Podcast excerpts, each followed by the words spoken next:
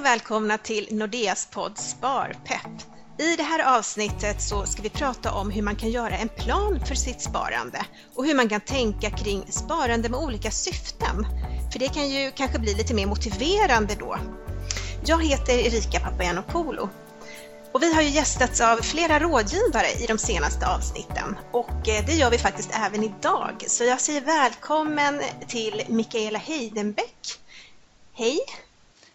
Tusen tack! Mm. Jätteroligt att vara här. Vad kul! Eh, vi sitter ju tyvärr inte på, på samma plats utan vi spelar ju in det här på distans. Men eh, det ska nog gå bra ändå. Men kan inte du berätta lite vem du är och vad du gör här i, i Nordea?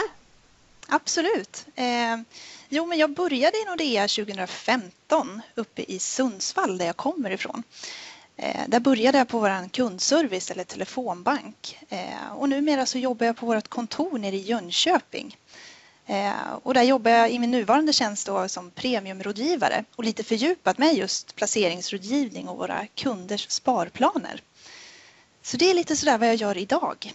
Mm, jag förstår. Och vad innebär det här premiumrådgivare då? Alla kanske inte har koll på vad premium är. Ja, men precis, men vi har ju lite olika kundsegment i banken och sådär.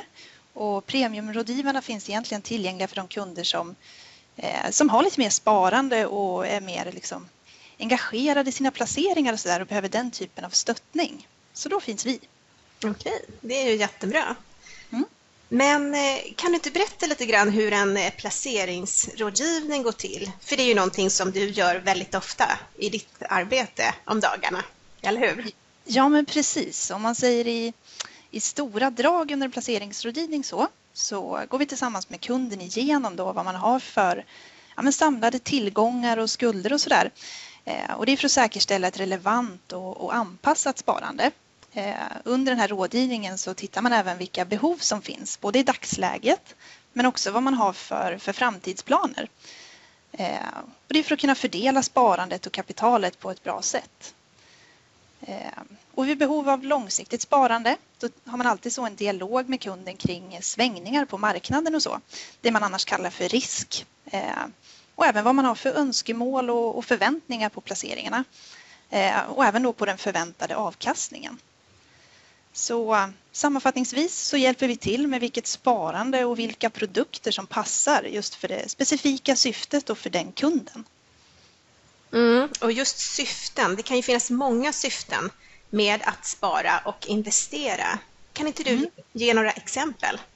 Absolut. Eh, om man säger vi som rådgivare har ju förmånen att få hjälpa till och, och möjliggöra väldigt många olika affärer för våra kunder.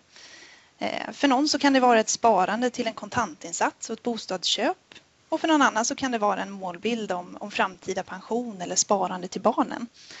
Eh, jag skulle säga att syftet är en väldigt viktig del av ett lyckat sparande. För det blir helt enkelt roligare när man kan påminna sig om, om varför man sparar. Det blir lite mer motiverande också, tänker jag, och enklare att uppnå sina mål. Eh, men hur kan man öronmärka sparandet så att det blir lite enklare att hålla koll på vad som är till vad? Jo, men om man kollar på kortare sikt, sparande på kort sikt, så kan man helt enkelt namnge ett konto egentligen. Det kan vara semesterkonto eller bilkonto och så. Om man säger för andra syften som sparande till barn eller pensionssparande, då kan man faktiskt öronmärka sparandet inom en kapitalförsäkring till exempel genom ett ändrat förmånstagarförordnande. Och för att förtydliga det lite så ett förmånstagarförordnande egentligen det handlar om vem som får tillgång till pengarna om det värsta inträffar, att jag går bort. Eh, men då har man ju inte bara öronmärkt sparandet för syns skull utan kanske framförallt rent juridiskt så man vet vad som händer. Man säger de allra flesta har ju någon form av prioritetsordning inom sparmålen, eh, vilket man vill uppnå först egentligen. Eh, till exempel att man lägger lite extra fokus på sparandet till den här kontantinsatsen. Och genom att man då öronmärkt sparandet så får man liksom en tydlig överblick av hur nära sitt mål man kommit. Vilket i sin tur då kan bli väldigt motiverande, skulle jag säga. Du lyssnar på Nordeas podd Sparpepp. Vi bjuder in intressanta gäster som pratar om privatekonomi, sparande och investeringar med ett nytt avsnitt varannan måndag. Har du förslag på intressanta ämnen eller gäster? Mejla oss gärna på sparpepp.nordea.se. Och nu tillbaka till dagens avsnitt. Du träffar ju otroligt många kunder och eh, får höra många olika stories och eh, situationer i ditt eh, jobb om dagarna. Men kan inte du berätta om någon situation där du känner att du kunnat hjälpa till lite extra? Mm. Om man säger generellt sådär så är min erfarenhet att om en kund får en övergripande kontroll över sparandet, syftet och, och även den juridiska aspekten inom placeringarna då har man banat väg för en väldigt bra privatekonomi. Eh, mitt mål under en rådgivning det är alltid att kunderna ska veta vad som händer med ekonomin i olika ja, stadier och situationer i livet. När jag lyckas med, med just det så känner jag alltid att vi har gjort det där lilla extra. Eh, men sen är det ju otroligt roligt också när man tillsammans med en kund har gjort en sparplan eh, sedan en tid tillbaka som leder till att kunden har nått sitt mål. Så vi får hjälpa till med den där bostadsaffären eller de åker iväg på sin drömresa. Då har man ju verkligen fått den känslan av det lilla extra. Mm, ja, det förstår jag verkligen. Men det är ju en del juridiska aspekter som kan vara bra att ha koll på. Eh, jag tänker till exempel om man ska starta ett barnsparande. Mm, ja, men så är det. Om man säger sen, sen tidigare så har det varit väldigt vanligt att man sparar på konton eller fonder i barnens namn. Och det förekommer även idag så och har sina fördelar. Men av olika skäl så har det blivit allt vanligare att man sparar i sitt eget namn. Eh, skälen till det är dels att banken faktiskt kan neka uttag från konton i barnens namn. Men framför allt för att barnen får tillgång till kapitalet på sin 18-årsdag om man har det i deras namn. Och det är inte alltid barnen är redo för, för sitt sparkapital på sin 18-årsdag. Man kanske inte är helt överens om vad pengarna ska gå till så. Eh, men precis som vi har varit inne på så kan man här öronmärka sparandet genom att ändra förmånstagarförordnande eller till och med försäkringstagare i sparandet. Och fördelen med det är att man helt utan begränsningar egentligen då kan disponera över, över sparandet eh, så länge det står i mitt eget namn. så. Eh, och att man styr då när barnet får, får tillgång till de här pengarna. Eh, så det är väl det kärnan i det egentligen. Eh, och som kund så får man under en rådgivning då information om vad som händer med det här kapitalet som jag var inne på om det värsta inträffar. Men man får även hjälp med att korrigera juridiken så den passar just er livssituation så. Mm. Eh, och vad gäller juridiken generellt kring sparandet så, så kan jag egentligen rekommendera alla, kan kalla det för livsbesiktning egentligen rent juridiskt, eh, men för att öka medvetenheten om vad som händer med alla delar av sparandet så i olika lägen.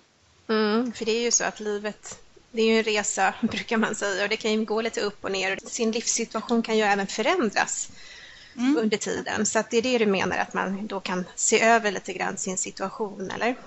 Ja, men precis. Så att man känner att man har koll på läget oavsett vad som händer och att det är anpassat för hur jag har det och lever idag utifrån min familjesituation och så vidare. Mm, ja, men det låter ju klokt. Men rent generellt då, hur tror du att fler kan bli intresserade av privatekonomi och komma igång att spara och investera? Ja, men jag skulle egentligen säga att nummer ett är att hitta en målbild. Att man sätter upp ett tydligt sparmål och kanske till och med en belöning. För om man inte har något direkt eller tydligt sparmål så, Eh, så kan man sätta ett belopp och när man har uppnått det så får man, får man unna sig någonting helt enkelt. Eh, så att man känner att man får användning av sparandet eh, under tiden. Och jag tror även att det ligger väldigt stor vikt i att ta kontroll över privatekonomin och att man därigenom sätter en budget så man vet vad man gör av sina pengar och kapitalet. Då väcks ofta det här intresset lite per automatik. Men till sist, som med så mycket annat, så väcker ju kunskap intresse.